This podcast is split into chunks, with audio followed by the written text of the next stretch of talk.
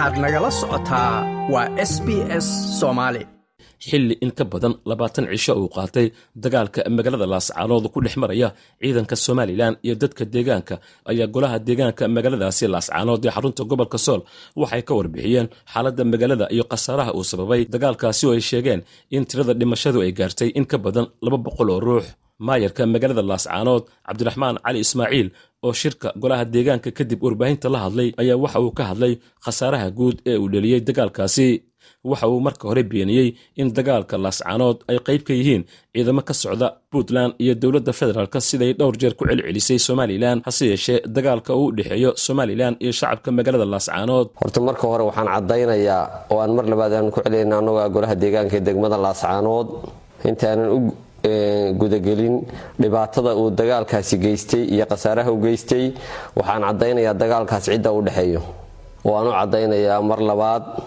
Waanu u caddaynaynaa beesha caalamka ummadda soomaaliyeed midooda afrika jimciyadda qurumaha ka dhexaysa iyo cid kasta oo bini aadana waxaanu doonaynaa inaan u caddayno dagaalkaas cidda uu dhexeeyo si cad inaan ugu caddayno mar labaad annagoo ah golihii deegaanka ee degmada laascaanood oo ah golo sharciya sharciyadna lagu doortay. Dagaalkaasi wuxuu u dhexeeyaa ciidamada somalilan iyo shacabka deegaanka. Wuxuu u dhexeeya ciidamada somalilan iyo shacabka deegaanka.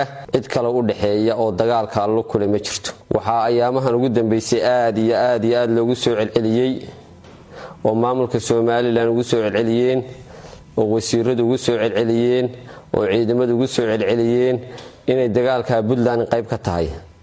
Waxaan beeninayaa inaysan dagaalkaasi puntland qayb ka ahayn. Waxaan beeninayaa in dagaalkaas aysan argagixisa qayb ka ahayn.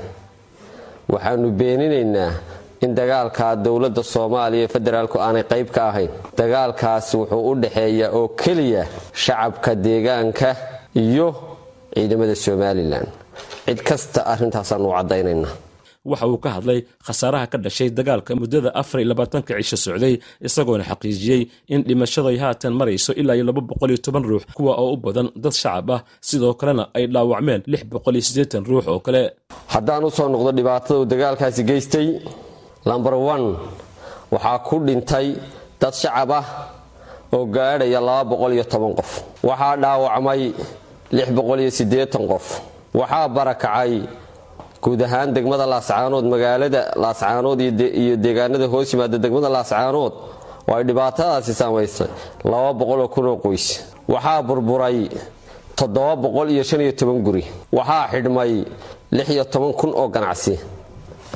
Waxaa xidhmay lix iyo toban kun oo ganacsi. Waxaa la jaray biyihii. Waxaa la weeraray oo ay ciidamo xoog ku galeen xaruntii laydhka oo ay matooradii iyo agabkii laydhkana rasaas la dhaceen shaqaalaheediina qaqabteen. Qaybna ay meesha ku laayeen ay ku dileen nin shaqaalaha ka mida isla goobtii duqa magaalada laascaanood ayaa sidoo kale waxa uu ciidanka somalilan ku eedeeyey in ay duqayn ka geysteen.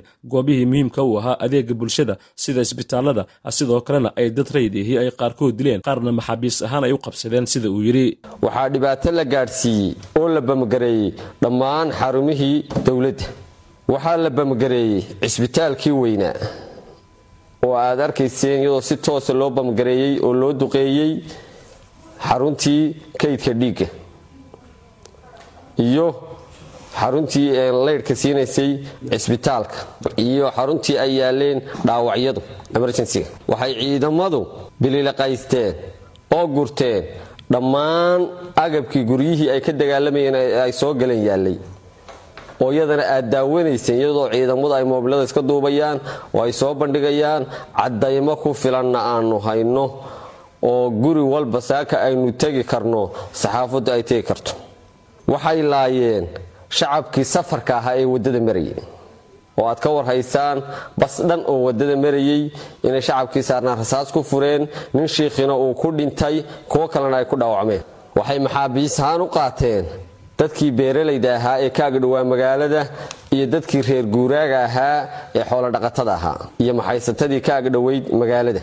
Oo ay leeyihiin waxaanu haysanaa maxaabiis dagaal mana ahay waa dadka noocaas ciidamada maamulka somalilan waxay geysteen dhibaatada intaa leeg magaalada waxaa ka socda afar iyo labaatanka casho xasuuq bili-aadanimo waxaa ka socda cadowtinimo. Waxaa ka socda cidhibtir waxaa ka socda waxaynan shaahid iyo sheeko aynan hore u maqal. Waxaasoo dhan waxaa mas'uuliyadeeda iska leh ciidamada somalilan iyo ciddii ay ka amar qaadanayaan ee xukunta.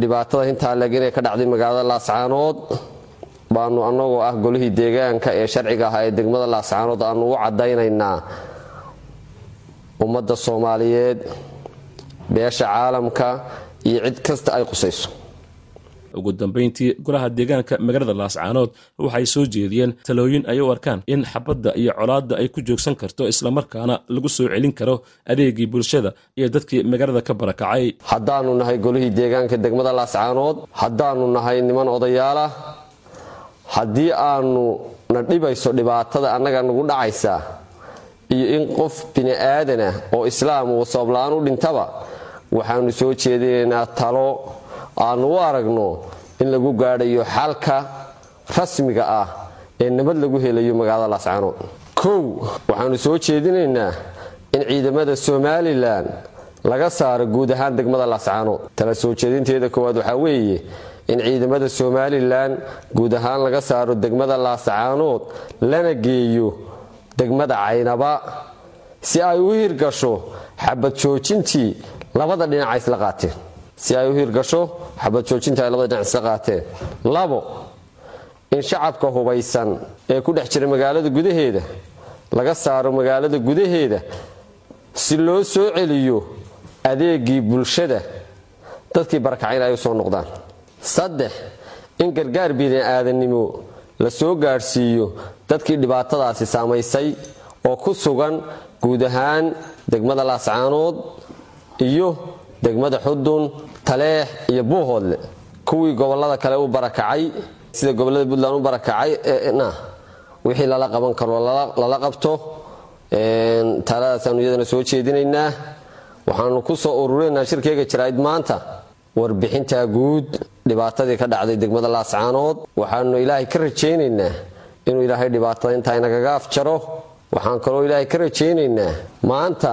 Midida daabkeed cid baa haysa ciddaa midida daabkeeda haysta waa ciidamada somalilan iyo mas'uulka ay ka amar qaadanayaan oo ah muuse bixi. Haddii uu qaato maanta tallaabadaas ciidamadana ka saaro deegaanadan xabaddu saasay isku taagaysaa si kastaba ahaatee dagaalkan u dhexeeya ciidamada somalilan iyo shacabka magaalada laascaanood ayaa galay maalinkii shan iyo labaatanaad iyada oo weli ciidamada labada dhinac ay isku horfadhiyaan duleedka magaaladaasi waxaanan shaqaynin baaqayo lagu doonayey in dirirta lagu joojiyo kuwa oo ka kala imaanayay soomaalida iyo beesha caalamkuba. Guddoomiyaha golaha wakiilada somalilan cabdirasaaq khaliif axmed ayaa maalmo ka hor isagoo ku sugan gudaha magaalada laascaanood waxa uu laanta afka soomaaliga ee b b c da u sheegay in iskudayo lagu doonayey in lagu joojiyo dagaalka ay ka socon waayeen dhanka madaxweynaha somalilan muuse biixi waxa uu tilmaamay in xabad joojintii ay ku dhawaaqday xukuumadda somalilan looga gol lahaa oo keliya in aanu dagaalka joogsan isagoona sheegay in madaxweynuhu uu ku ballanfuray isaga iyo erge ka socotay beesha caalamka. Like aas la wadaag wax ka dheh lana soco barta facebooka ee sb s